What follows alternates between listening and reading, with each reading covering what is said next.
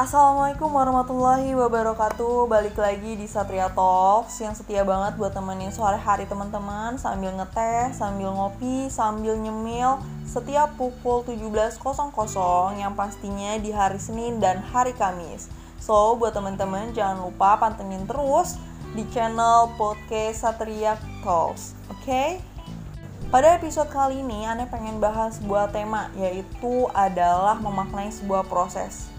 Kenapa sih sebuah proses itu perlu dimaknai? Pernah nggak sih teman-teman mengamati benda-benda yang ada di sekitar teman-teman? Dari mulai kursi, meja, kasur, bahkan sikat gigi yang setiap hari teman-teman gunakan di kamar mandi. Pernah nggak sih teman-teman berpikir bahwasanya terciptanya sebuah kursi, meja, dan benda-benda lainnya tentu saja memiliki sederetan proses yang cukup panjang Apakah teman-teman pernah memaknai hal itu?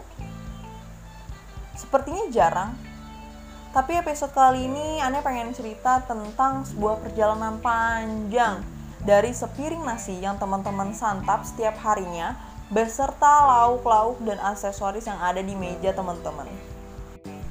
Mungkin yang biasa teman-teman lakukan atau rasakan terkait proses hadirnya sepiring nasi itu sesimpel teman-teman membeli beras di warung, kemudian teman-teman cuci, lalu teman-teman masak di Magicom, kemudian setelah Magicom tersebut bunyinya cetek, teman-teman langsung siap untuk mengkonsumsi nasi tersebut.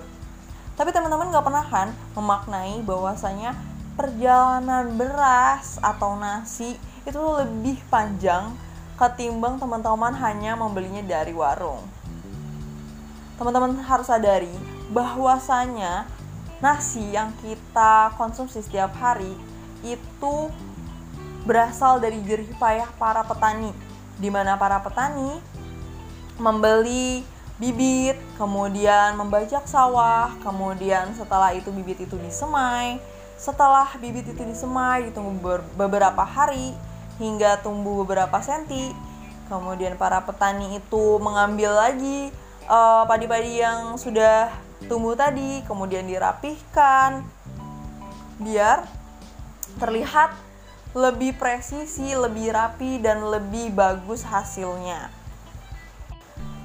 Nah, setelah dirapikan, tentu saja para petani itu nggak cuma diem. Mereka setiap hari memberikan pupuk, memberikan vitamin, kemudian memastikan airnya cukup, mengamati dan mengawasi kalau-kalau ada hama seperti serangan tikus, ular, ataupun burung. Setelah waktu yang sudah dirasa cukup di mana padi itu sudah mulai menguning, maka para petani ini akan menyabit uh, padi-padi tersebut. Kemudian padi tersebut akan digiling dan uh, gabahnya ini akan dijemur setelah dijemur maka akan digiling lagi sehingga cangkang-cangkang dari e, gabahnya ini copot sehingga dihasilkanlah sebuah beras. Ya, kalau misalnya petani ini berhasil e, memanen hasil tanamannya. Petani ini masih memiliki beberapa peluang, peluang buruk tentunya. Di mana misalnya lahannya itu terserang hama ataupun terserang banjir sehingga menyebabkan gagal panen. Pernah nggak sih teman-teman mikirin betapa sedihnya para petani jika gagal panen? Atau betapa sedihnya jika kualitas beras yang dihasilkan itu tidak sebaik yang diinginkan? Sungguh panjang bukan? Tapi kita sebagai para penikmat makanan di atas piring apakah kita pernah benar-benar memaknai makanan yang terhidang di depan kita bahkan terkadang kita lebih sering makan sambil tertawa terbahak-bahak, gosip ngalur ngidul, ngomongin nggak ngomongin omongan yang nggak berfaedah, atau bahkan naasnya makanan-makanan tersebut terbuang percuma ke tempat sampah tanpa sebab. Betapa malangnya nasib beras, nasib ayam, nasib sayur mayur. Jika mereka bisa berbicara, mungkin mereka akan sebal. Jika mereka bisa berbicara, mungkin mereka akan mengutuk. Jika mereka bisa berbicara, mungkin mereka enggan untuk dimakan oleh kita.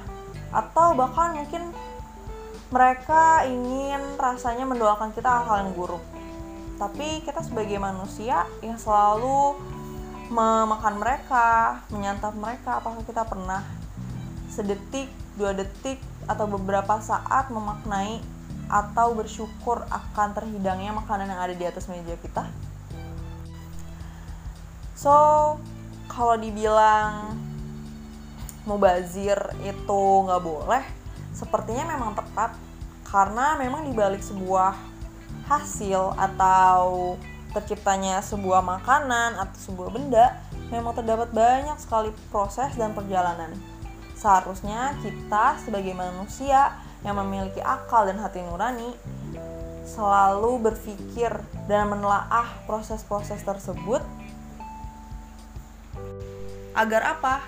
Agar kita dapat memaknai da semua hasil-hasil yang telah tercipta di dunia ini.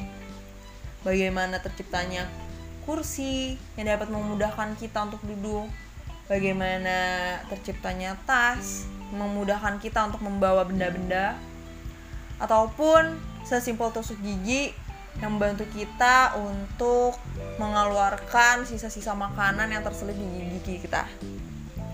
Jika kita lebih bijak lagi dalam memaknai sebuah proses yang terjadi di muka bumi ini, maka kita akan tahu betapa berharganya sebuah proses, betapa berharganya sebuah hasil, dan kita akan selalu menghargai apa pun itu. Gak hanya benda, mungkin jeripaya orang, mungkin karya-karya orang, bahkan yang paling agung adalah betapa harusnya kita sebagai manusia menghargai ciptaan-ciptaan Allah. Betapa harusnya kita merenungi terbitnya matahari, terbenamnya matahari, terciptanya tanaman, terciptanya langit, gunung, laut, dan sebagainya. Maka jika kita benar-benar menjadi orang yang bijak, kita akan hidup dalam ketenangan, hidup dalam ke kenyamanan dan hidup saling bertoleransi, menghargai dan memaknai apa-apa yang terjadi di muka bumi ini.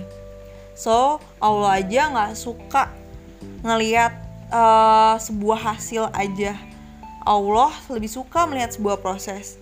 So kita yang hanya sebuah makhluknya, masa tidak bisa sih memaknai apa-apa yang ada dalam sebuah proses. Buat teman-teman, jangan lupa menghargai sebuah proses, apa pun prosesnya, tolong dihargai. Terima kasih. Assalamualaikum warahmatullahi wabarakatuh.